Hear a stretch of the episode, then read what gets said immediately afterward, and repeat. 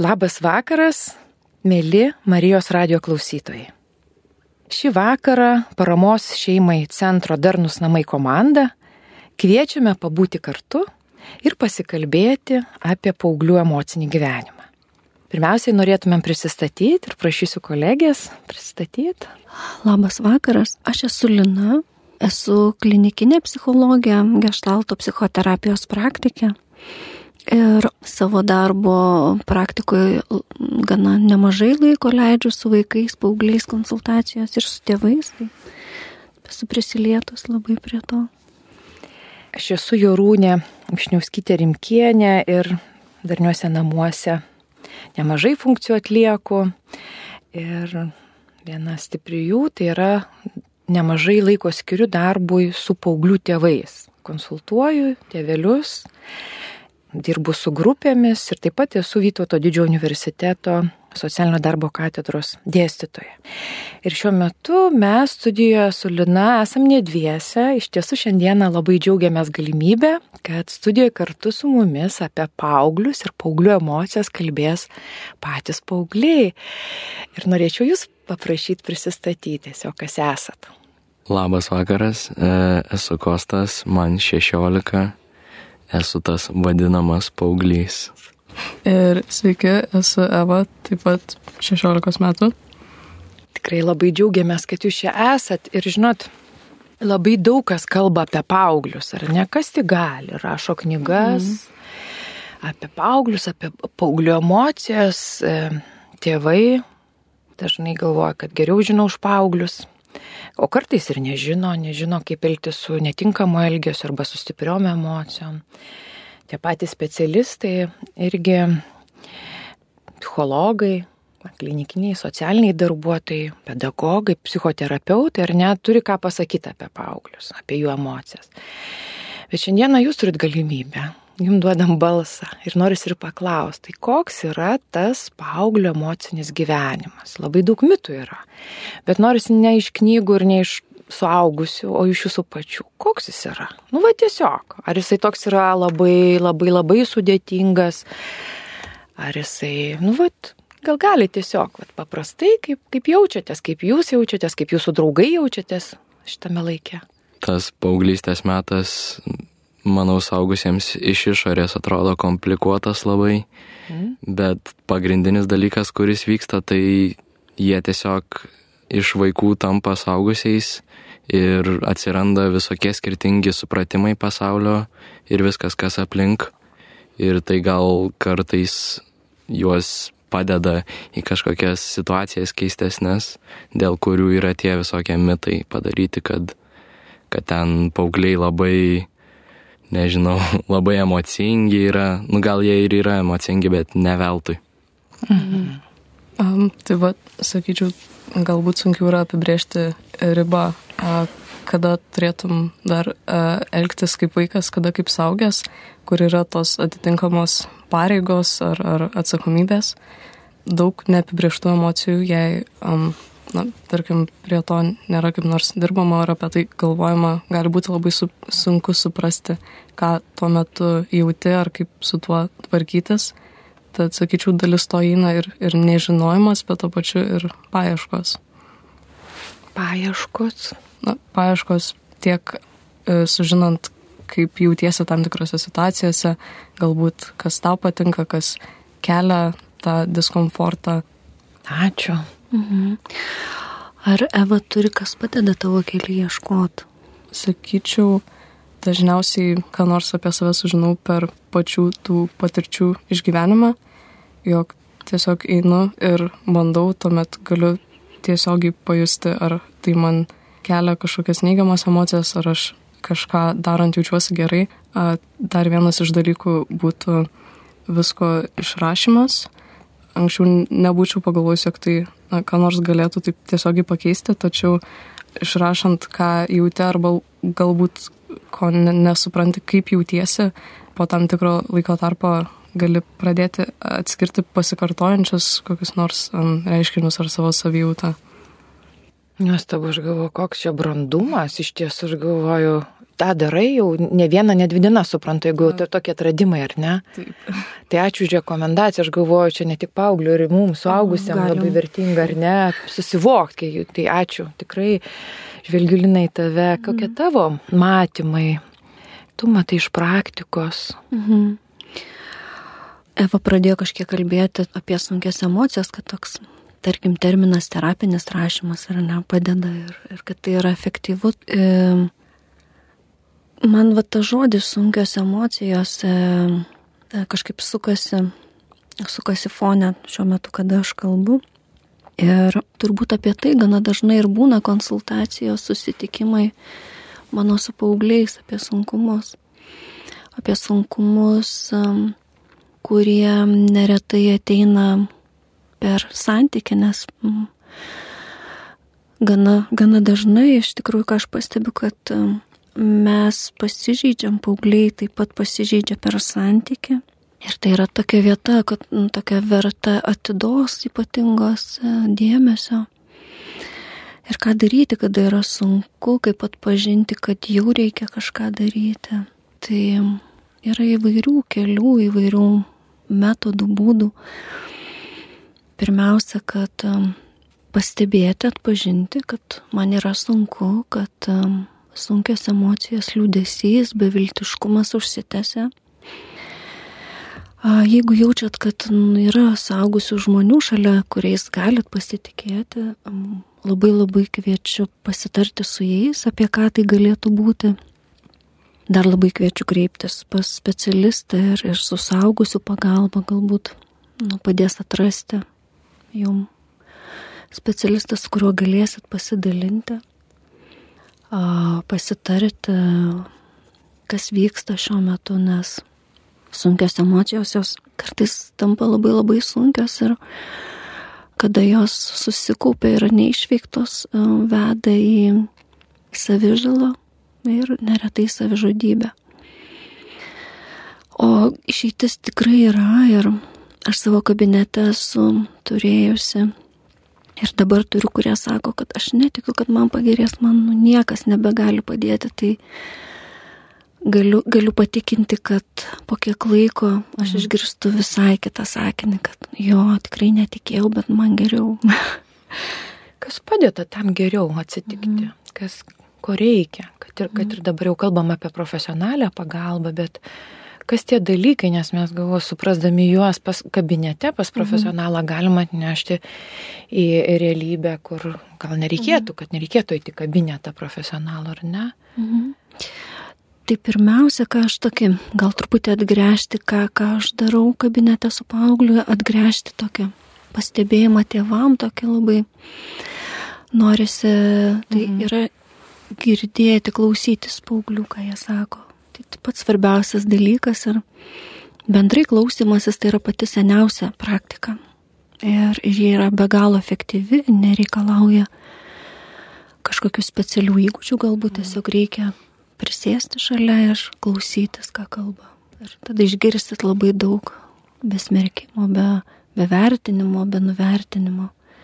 Ir tą sakai, nes prieš tai Lina užsiminėjai santyki, kad dažnai mhm. ateina paaugliai dėl santykio mm -hmm. su tėvais. Ir su tėvais. Ir su tėvais. -hmm. Ir mhm. kažkaip noriu išvelgti dabar ir jūs, abu vėl, ir jūs užgirst nuomonę ir apie save, bet ir savo bendramžius jūs esat vis tiek tarp, ar ne, savo moksluose, gal kitose veiklose kiek jum atrodo, vat, paaugliui tas santykis, jeigu taip iš viso tų santykių daug jau paauglystė, ar ne, yra namų santykiai, tie artimieji, yra, yra giminė, to, aišku, iš kur yra draugai. Kaip vat yra su tais santykiais ir kur, ar, ar, ar galima, gal negalima, šitai provokuoja, aišku, reitinguot, kada labiausiai skauda. Ar, ar iš viso, vat, kaip, tiesiog aš apie tą girdėjimą norėsiu ir vat, kad iš ko norisi, vat, gird, kad mhm. būtų klausomasi, labiausiai iš ko trūksta, kad klausytųsi. Mm, manau, svarbiausia, kad iš viso net nereiktų tos pagalbos.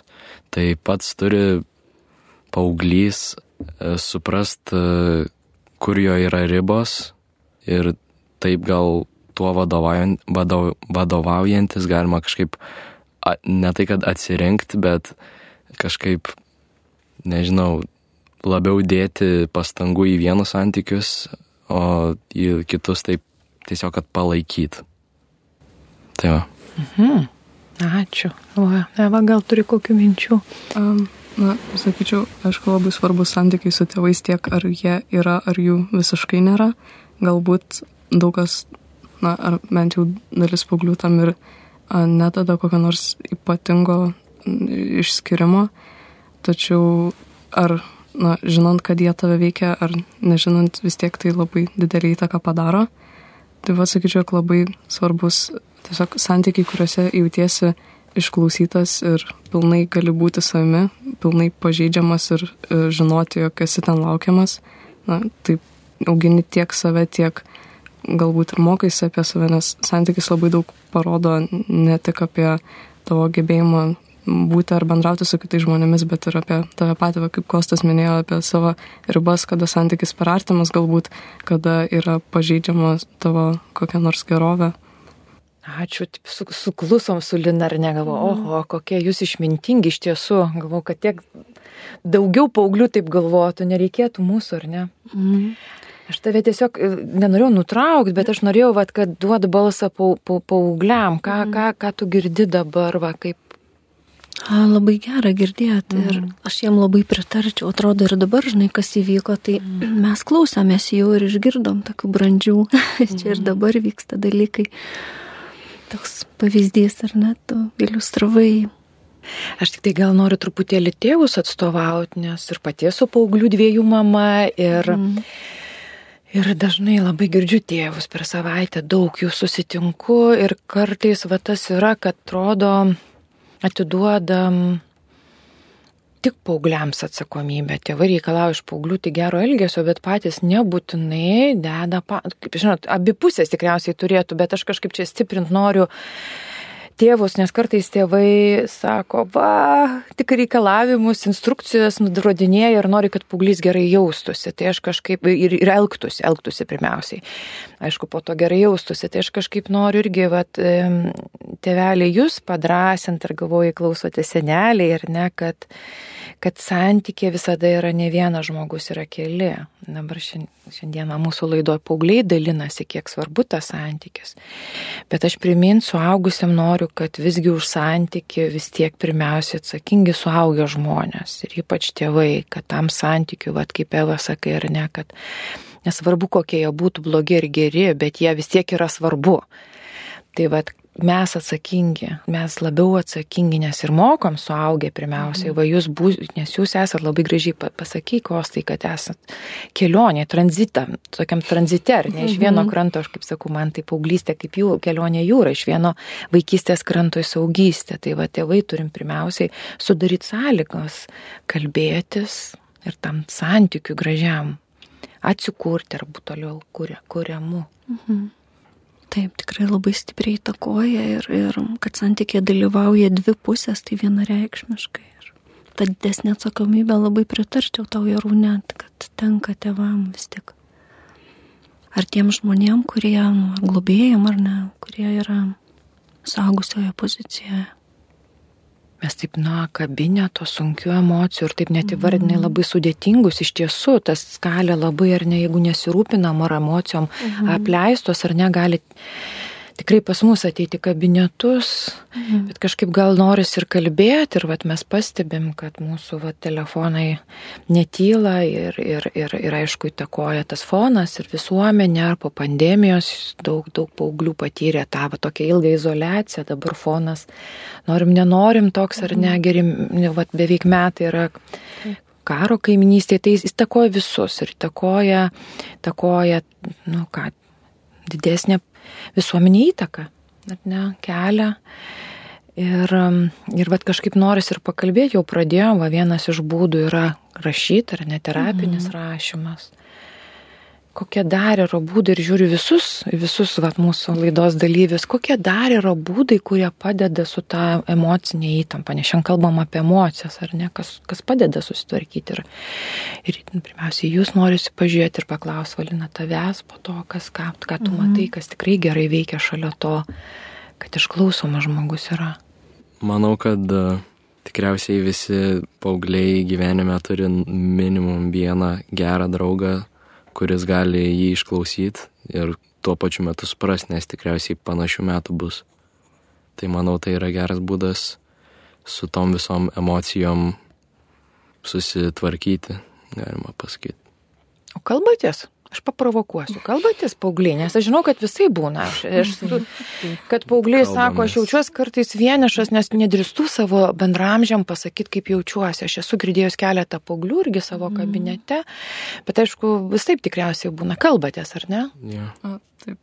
Jeigu dabar klauso kažkoks paauglys, kuris ten bijo kalbėti su kitais savo bendramžiais, tai čia tiesiog supraskit, kad mes toj pačioj valtyje esam, tipo, mes kažkaip neatstumsim jūsų dėl to, nes norit dalintis emocijom. Čia tiesiog gal kažkoks, ar ne tai, kad stereotipas, bet tiesiog sukur, nu, kažkaip padaryta, nežinau, yra, kad, kad visi užsidarė yra.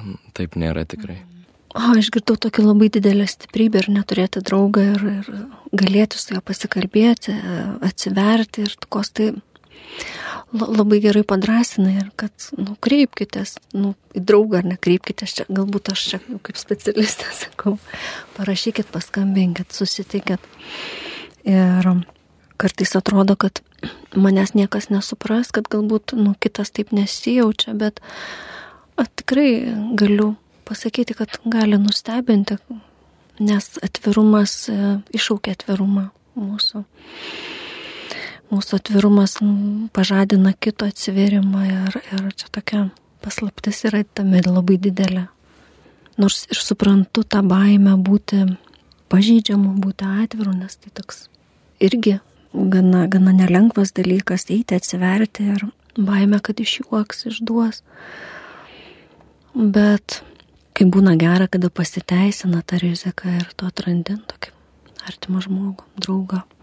Kaip gražiai pasakylina, klausausi, tiesiog galvoju, kad taip išgirstu visi apie tą.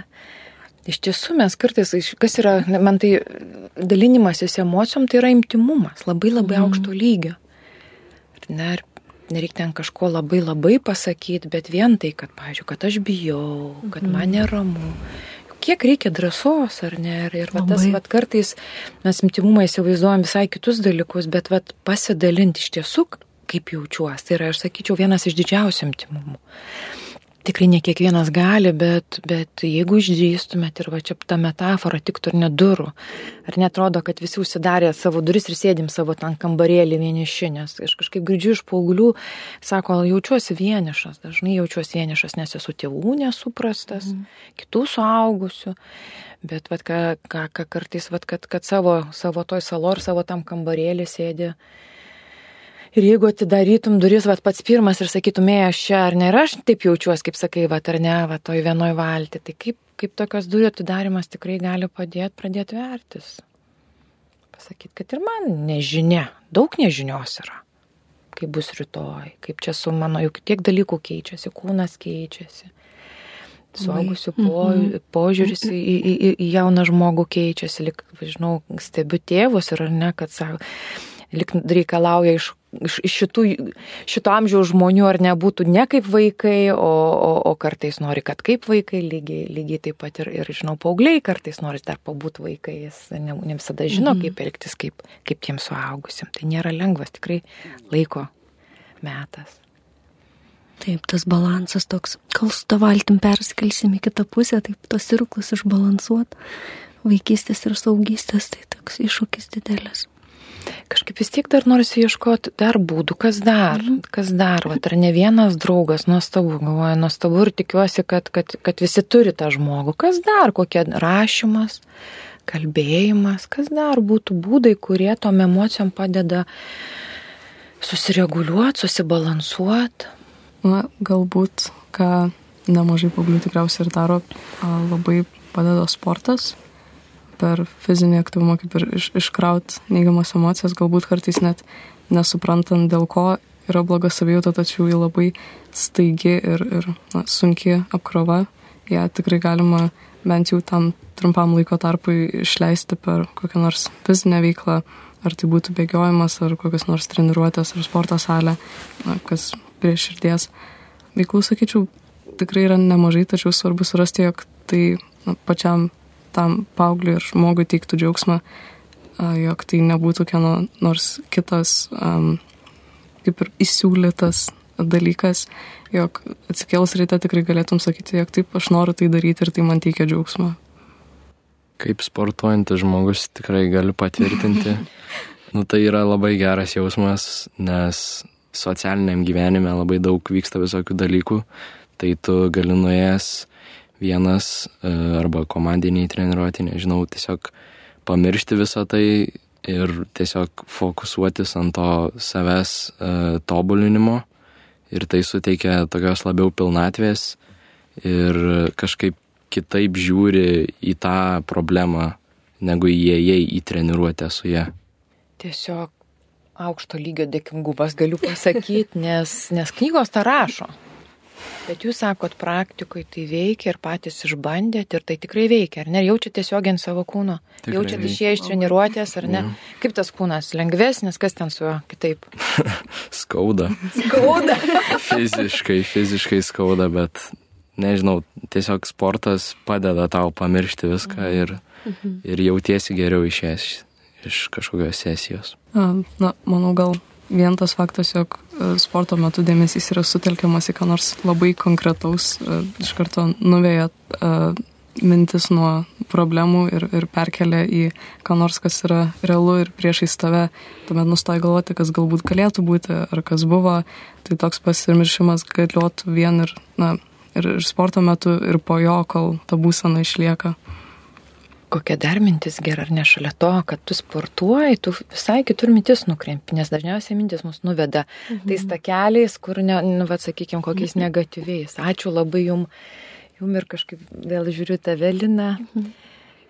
Evos paskutinė mintis apie tai, kad perkeliamas kitur dėmesys, tai tokio labai trumpai tokį mokslinį paaiškinimą tam turiu, kodėl, kodėl tai padeda, nes tuo metu, kada mes galvojam apie kažkokį mus nerimą keliantį dalyką ir aktyvuojama tam tikras smegenų sritis ir jinai palaiko tą nerimą. Tada mes sugebam, sugebam ar ne, nu, kažkokiu būdu, tarkim, sporto perkelti dėmesį kitur. Nerimą palaikanti smegenų sritis yra nustojama aktyvuoti, jinai pradeda gaminti serotoninas, noradrenalinas, vadinami laimės hormonai, nutrūksta nerimą palaikančio palaikančių medžiagų gamyba, kortizoliai sumažėja ir taip toliau. Ir, ir mūsų kūnas labai akivaizdžiai rodo, kad vyksta pokytis ir mes tampam laimingesni ir e, sportas, pasivaikščiojimai. E, buvo įrodyta vėlgi moksliniais tyrimais, kad sumažina iki 40 procentų depresijos simptomatikos, tai yra begaliniai dideli skaičiai. Ir tas, kas pasiryšta per dieną valandą bent nueiti ten, kur yra medžių, vandens arba nu, kažkokios gamtos, tai gali begaliniai daug savo pagelbėti. Dar jeigu šalia gera kompanija, draugas ar, ar pats savo esi geras draugas tuo metu, kai ne, ar, ar gyvūnas, tai galima turėti labai daug, nežinau, naudos, net ta žodis gal netinka, labai stiprų pasirūpinimą savimi turėti tą valandą. Mėgstama veikla dar galėčiau taip mhm. paakcentuoti, kad labai padeda atrasti savo stiprybės ir pokyčių laikotarpiu gana būna nelengva, nes jiem atrasti, kur aš esu geras, kas man gerai sekasi. Savivertė, savigarba tokio įtvirtinimo vyksta gana daug svarbių momentų ir labai yra svarbu, kad nuleisti, klausyti savo širdies ir, ir gal tėvam tokio kad netrukdytų klausyti savo širdies paaugliam ir, ir nueiti ten, kur ta širdis nuveda. Nes ten galima atrasti ir bendraminčių labai daug galima atrasti, kad kame aš, nu, begaliniai gerai jaučiuosi ir man tas sekasi, tai nežinau, niekas negali mūsų, mūsų vidaus auginti labiau negu toks patyrimas. Ačiū labai, va dar kiek gražių patarimų Aš kažkaip grįžtant dar, jau, jau galim, kiek čia galvo, vienos rankos pirštus tikriausiai galim užlenkti mhm. visus, kiek jau davėm, bet dar grįžtant, va, ne va, ką sakė apie, apie sportą ir minčių nukreipimą, tai ne tik sporto metu minčių nukreipimas, ar ne, Nes gali būti situacija, vad vidury pamokos, ar ne kažkokia nemaloni, ar, ar kažkokiu tuo metu, kur negalėt pasivaikščioti, ar ne. Tai lygiai taip pat tuo pačiu principu mes galim savo mintis pabandyti kažkur kitur nukreipti. Netgi pažiūrėti pro langą ir pažiūrėti tą patį medį ir ten tupinčią varną ant šakos ar ne, ar, ar pažiūrėti kokio žalumo ta žolė. Esmė yra, kad ne, ne, nenugrimsti kažkokį, va, ir vėl, va, vėl man nesiseka, vėl man blogai ir tada va, stimuliuoti savo emocijas, bet tiesiog minčių, va, samoningai savo mintis kažkur patraukti ar ne, Tai jeigu yra galimybė, vad sakom, galima eiti sportuoti, vaikščioti, jeigu yra jau galimybė tuo metu, esam nebe uždaroj kažkokia erdvėje, ar kur negalim pasitraukti situacijų namuose, ar ne, tai lygiai tas pas kažkoks filmo žiūrėjimas, knygos mhm. ar ne muzikos. Aš sakiau, klausiu apie muziką, nes muzika po augliui tai yra nu, atskiras rytis ir vat, kažkaip žvelgiu jūs kaip, kaip jų muzika, nes kiek man teko bendrauti ir, ir su jaunai žmonėm, tai sako, muzika tai yra ta erdvė, kur ten, ten visko yra ir gyvenimas, bet tuo pačiu emocijom labai padeda susireguliuoti. Ką jums reiškia muzika? Šiaip muzika, kiek pažįstu savo amžiaus žmonių, tai labai svarbu yra, nes nu, visų pirma, to atsirenki kokią nori muziką, tai tau suteikia kažkokį saugesnį jausmą. O šiaip tai pati muzika, kai klausaisi, tiesiog, nu, pamiršti apie, irgi kaip su sportu, pamiršti apie kažką kas tave neramina. Tai. Manau, taip pat galima atrasti, ką nors, kas yra skirta būtent tau, ar tai um, pritarti kokiam nors um, na, išsakomai minčiai, galbūt jai apie sunkumą ar, ar problemą ar kažkokias idėjas, nesikalbi su kitais, galbūt tai bus paminėta toj muzikai, galbūt gausi kokią nors um, jauseną atgal, kurios tikėtumės iš kito žmogaus, kurios negauni. Ar tai klausant muzikos, ar tai galbūt grojant net, sakyčiau, tikrai um, labai, labai svarbu galima kaip ir save išreikšti, nekuriant o vien klausant. Gerą girdėti, ar ne, kad turi šitą resursą, ar kiek, kiek supratau, kažkas iš jūsų net ne tik klausot, bet ir, bet ir kuriat muziką, ar ne, ją grojat. Aš e, dar visgi noriu grįžti prie vienos temos, truputį gal sunkesnės, nes dabar daug tokių patarimų davėmės su Lina ruoždamosi laidą aptarinėjom, kokias kryptis ar mhm, neaptarsim. Ir vieną tokį žargoną Lina pasiūlė aptarti ir aš kažkaip prie jo noriu grįžti, mhm. sakė, ar ne, paauglišką. Taip. Gal mes jį vardinkim dar mhm, gerai, nes aš manau, nebūtinai reikia į kabinetą ateiti, bet gal kad nereikėtų ateiti. Mhm. Tenka tikrai girdėti gana dažnai tokią breakdownus. ir jeigu mūsų šiuo metu klausosi paaugliai, tai aš nebejoju, kad jie visi žino, ką tai reiškia ir aš gal labiau tėvam ar aplinkai mokytojam vertimą norėčiau to pasakyti, breakdowno, tai yra, kada ilgesnį laiką kaupėsi daug įtampos, daug sunkių emocijų ir tuo metu, breakdowno metu tos emocijos išeina. Nu, ta prasme, jos išeina, nes nebeįmanoma yra jų laikyti. Tai būna verkimas, tai būna atsiribojimas, tai būna kažkokia tai būsena, kuri kiekvienam savaip labai padeda visą tai išgyventi ir kad tai yra, to, toks dalykas yra ir jis nu, pakankamai dažnas paauglių gyvenime, kada krūviai yra labai dideli, yra dar santykiai mm. tokie įvairūs. O ką daryti? Ką daryti? Čia mes tikriausiai iš vienos pusės ir aptarėm, bet, mm -hmm. ne, bet ką daryti, kad, kad kuo mažiau būtų to breakdowno? Mhm. Ką daryti aplinkai, ką daryti paaugliam. Mhm. Matau, lik šypsosi. Gal dažniau išleistas emocijas per kažką kitą, kad jos nesusikauptų iki galo. Manau, pagrindinis dalykas būtų. O jeigu jau yra tas breakdownas, tai tiesiog jeigu matot artimą žmogų, kad kažkas vyksta, tai tiesiog prieikit, kažkaip nuoširdžiai paklauskit mhm. arba tiesiog paguoskit, jeigu kažkas vyksta. Ir tai padeda. Būtų? Aš iš, noriu iškart klausti, koks galėtų būti geras klausimas, vat. Ko, ko paklaus, kaip tu jautiesi, geras klausimas. Pagrindinis tai, ar viskas gerai, jeigu žmogus bus atviras, tai jis pasakys, kad ne. Mhm. O, o jeigu pasakys, kad jo viskas gerai, tai manau šiuo metu nereiktų prie to žmogaus lysti. Mhm. Tai žmogus dar bus nepasiruošęs kalbėti, ar ne? Tikriausiai. Mhm iš darbo su tėvais patirties žinau, kad, kad reikia sulaukti, kada paauglys nori kalbėti, ar ne? Dabar, vat, nu, atstovauju tėvus, norėčiau va tėvam duoti patarimą, kada, koks yra ženklas, kada reikėtų tėvam būti atidesniem. Manau, kad reikia sukurti tokią tarp savęs ir vaiko komunikaciją, kad uh, jeigu matot, kaž, kad kažkas vyksta, iš karto gal neikit prie jo, bet tiesiog mhm. pasakykit, jeigu, kai būsi pasiruošęs kalbėti, pakalbėkim tiesiog. Manau, toks atvirumas tikrai padeda. Labai pritarčiau, nes na, yra galbūt keli tipai, ką galima daryti ar, ar breakdown, ar po breakdown metu. Na, sakykime, yra kas iš karto izoliuojasi ir tik po tam tikro laiko tarpo nori su kuo nors pasikalbėti, yra kas mhm. iš karto galbūt puola kalbėtis, išsiverkti ir ieško to atgalinio ryšio. Na, vis tiek tikriausiai, ar, ar žinant, kaip jūsų vaikas elgesi, ar galbūt jūsų draugai, ar artimi žmonės, galėtumėt bent kiek nors nuspėti, ar, ar, ar jam reikia duoti laiko, ar galbūt paklausti, ar, ar norėtum pasikalbėti, ar man kol kas palikti tą ramybę, ar galbūt nukreipti mintis na, sakyčiau, svarbiausia turbūt būtų paklausti. Mhm. Labai ačiū Jum ir todėl, kad turbūt niekas geriau negalėtų atsakyti šitą klausimą negu tas, kas visą tai išgyvena ir tas, kas savo aplinkoje tai mato. Aš tik tokį pastebėjimą labai noriu trumpai pasakyti, kad kartais tokiu metu, ar ne, kaip mes čia įvardėjome breakdowno metu, kada yra labai daug sunkių emocijų vienu metu, kad paaugliai žaloja save. Tiesiog, kada skausmo per daug, kada yra nerimo per daug, kada pasaulis yra per daug neteisingas, kada mes labai daug kalties jaučiam dėl kažko arba pykčio.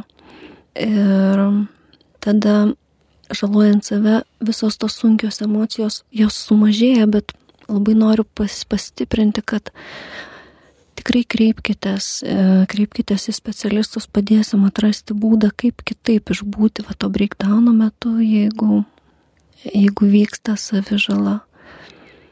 Tai mano toks labai didelis noras pakviesti. Mm. Ačiū Lino už priminimą, jisai labai svarbus, nes mūsųse labai daug yra mitų, mhm mitų apie savižalą ar ne, tai, tai tikrai čia šitoje vietoje jau reikėtų, jeigu tai matot savo artimųjų, ar savo draugų, ar savo namiškių, vat, paaugliško amžiaus, ar ne, kad tai vyksta, tikrai prašom nukreipti pagalbos. Aš dar, žiūriu, net tiek daug laiko turim, bet visgi dar du, du noriu akcentus su jums aptarti. Tai viena apie tai, čia taip gražiai jūs abu įvardinot apie tą kada prieiti, išlaukti, paklausti ir išlaukti. Tačiau tėvai kartais nemoka to daryti ir norėdami gero pridaro klaidų. Tai ką jūs matot, aš dabar vat, iš, iš draugų, ką girdit ar ne, nes aš tai vat, netgi šviežią, šviežią turiu pavyzdį vieno tėčio, kur jisai ir, ir va, parekomenduosiu šitą knygą, penkios paauglių meilės kalbos, ar ne, perskaitė ją ir va, nesenai dalinosi, sako, perskaičiau, pasižymėjau, kaip kalbėti ir pabandžiau ir man pavyko su savo ten, paaugliais abiem. Ir, ir, ir paauglys sakė, tėti, tu nebemoralizuoji. Ir tas pokytis įvyko ir, ir susitiko du, du žmonės, nebe, nebe tam va, tokiam netinkamam ar ne monologė, nes labai dažnai mes suaugę kažkaip prisimirštam ar ne mhm. dalyvaut pilnai, kad, kad ta kita pusė, mūsų paauglys, irgi turi nuomonę, turi, turi va, tuos pačius jausmus. Kokias matot, bet čia, žinot, ir ne tik tėvų, mes kalbame ir apie kitus suaugusius, tos pačius mokytojus, aišku, sudėtinga, vidury klasės, kai yra 30 gal vaikų, bet vad kas, jeigu galėtume taip dar įvardinti, ko nedaryti suaugusiam žmogui, kai, kai, kai paaugliu sunku, kai tos emocijos iš tiesų yra labai labai tokios intensyvios. Kas tikrai netinka, jūs pasakėt, kas tinka, bet ko vengti pokalbio metu. Manau, to minėto moralizavimo, tiesiog tokio aiškinimo, galima sakyti, kaip gyventi. Jeigu jau paauglys, tas vadinamas jis jau yra susidaręs savo požiūrį į viską, jūs tikriausiai jo nepakeisit to požiūrio. Ir tiesiog reikia prie jo ne tai, kad prisitaikyti, bet suprasti jį, kodėl jis taip mano. Ir, ir tada lengviau žinot, kodėl kitą kartą jis kažką taip darys. Dėl to vadinamo moralizavimo labai pritarčiau. Dažniausiai ar tai padarius kokius nors sunkius sprendimus, ar, ar jaučiant kalties jausmą, nerimą, kalbėjimas apie tą situaciją ir priminimas, kad galėjai padaryti kitaip, ar jog, na, neturėtum taip daryti, galbūt netgi toks retesnis atvejis, bet, tarkim, sakymas, jog kad, na, neturėtum taip jaustis, nes, tarkim, tai nebuvo tokia prasta situacija, galbūt tas jausmų sumenkinimas, na, bandyčiau vengti šito. Fantastika, ačiū labai, čia nuostabus patarimai, priminimai, atrodo, tokie taip gerai mhm. žinomi, bet taip, taip ar ne, jausmų sumenkinimas, neturėtum taip jaustis. Mhm. Tai aš kažkaip dar tokia, čia klasika, aš jau nekartą ir šitoj laidoje suminėjus apie tą, kas buvo vakar, tai geriausia, ką mes galėjom padaryti. Ir ar tai būtų apie jūs, paauglius, kurie einat į tą saugystę, ar apie mus, kurie esam suaugę, mes visi tik žmonės, mes visi darom klaidas, bet mes iš to ir mokomės, ar ne? Tai kažkaip primint norisi mums kiekvienam ir ypač suaugusiam, kurie šalia paauglių, nes ypač paaugliai mokosi. Tiek daug naujų reikia dalykų prisimatuoti, ar ne? Ir tų klaidų gali daugiau būti. Bet to tokio supratingumo ar neaišmo, kaip turėjo būti, nes viskas, kas padaryta, tas geriausia, kas gali būti, ar ne? Mes po truputį jau einame laidos pabaigą, turim keletą minučių, aš kažkaip noriu dar pakviesti kiekvienam dar pagalvoti su, vad ką norėtųsi dar palinkėti, atsisveikinant ar ne tema, paauglys ir, ir, ir emocijos, ir jausmai kas dar gal ne, liko nepasakyti arba užtvirtintas, kas pasakyta prieš atsisveikinant su mūsų klausytojais, tai gal kiekvieną prašyčiau pasidalinti. Gal toks padrasinimas, tai tie žmonės, kuriems mažiau negu 18 ir jie artėjo to, galiu tik pasakyti, pats savo taip sakau, nedaug liko. e, tikrai manau, ši, tipo, e, šitas visas kelias, kurį nueisit iki tos saugystės, jūs tiesiog pažiūrėsit atgal ir prisiminsit, kaip gal tuo momentu buvo jums labai blogai, bet e, kaip tai suformavo jūs kaip žmogų Ir manau, tai yra svarbu labai. Nu, šitam pritarčiau labai. O tiesiog, jog galbūt dabar kas nors gali atrodyti visiškai kitaip nei, nei po keliarių metų ar kad ir na, kelių mėnesių, tai labai trumpas dalykas. Taip pat norėčiau labai galbūt ar, ar tai palinkėti ar paskatinti tiesiog rasti vietą ar, ar, ar veiklą ar tiesiog būseną, kur galite būti pilnai savimi galbūt padės surasti, kas jūs iš tiesų esate ir geriau pasijusti. Um, aš dažnai savo primenu, tai gal noriu įgarsinti, kad um, uh, pasitikti žmogų, jo, jo buvimo, nežinau, vietoje, ten, kuris yra, susitikti su juo, nebandant jį patraukti į savo nu, jausmą, į savo buvimo vietą. Tai yra priimti sutikti tokį, koks jis yra šiuo metu ir kas liečia paauglystę, tai leisti taip švelniai, lietai savo tempus kleistis kiekvienam. Gražiai pasakėjai. Aš gal visgi pirmiausiai noriu padėkoti jum, jum abiem, kad atėjot. Galbūt mūsų Lina buvo daug, žinau, ar lengviau, ar ne, nekalbant, kad įdomiau šitoj laidoj būti. Aišku, Lina, ačiū tau už bendrystę. Ačiū tau. Ir um, man, ką aš, ką aš norėčiau gal priminti ir savo, ir, ir, ir, ir, ir visiems mūsų klausytom, primint, kad visos emocijos yra gražios. Visos, mes kartais bijom tam tikrų emocijų, bet visos yra dalis mūsų. Jos yra kelrodžiai, kelrodžiai mums apie mus pačius, apie, apie gyvenimą, tai va kviečiu būti atviriem jom, kviečiu jas priimti, kiek tai įmanoma, Bet svarbiausia nebūti vieniem, bet ypač jeigu jų jau per daug prisikaupė, net ir džiaugsmo, kaip per daug sako, jo reikia mhm. dalintis ar ne, bet ypač kai kažkokios tokios, kur per ilgai buvo kitos, tai jas irgi atidaryti duris ir, ir, ir, ir, ir į svečius pakvies kažką užėjti. Nebūti vienam. Tai gal su tą mintim, kad ačiū už bendrystę, reikimi bendrystę, kai jaučiam stiprias emocijas ir dėkoja mūsų klausytojams kad buvo kantrus ir iš tiesų tai laukiam, laukiam ateiti temų, kas būtų jums įdomu, laukiam, rašykite Marijos radijui, o šiandieną tariam sudie.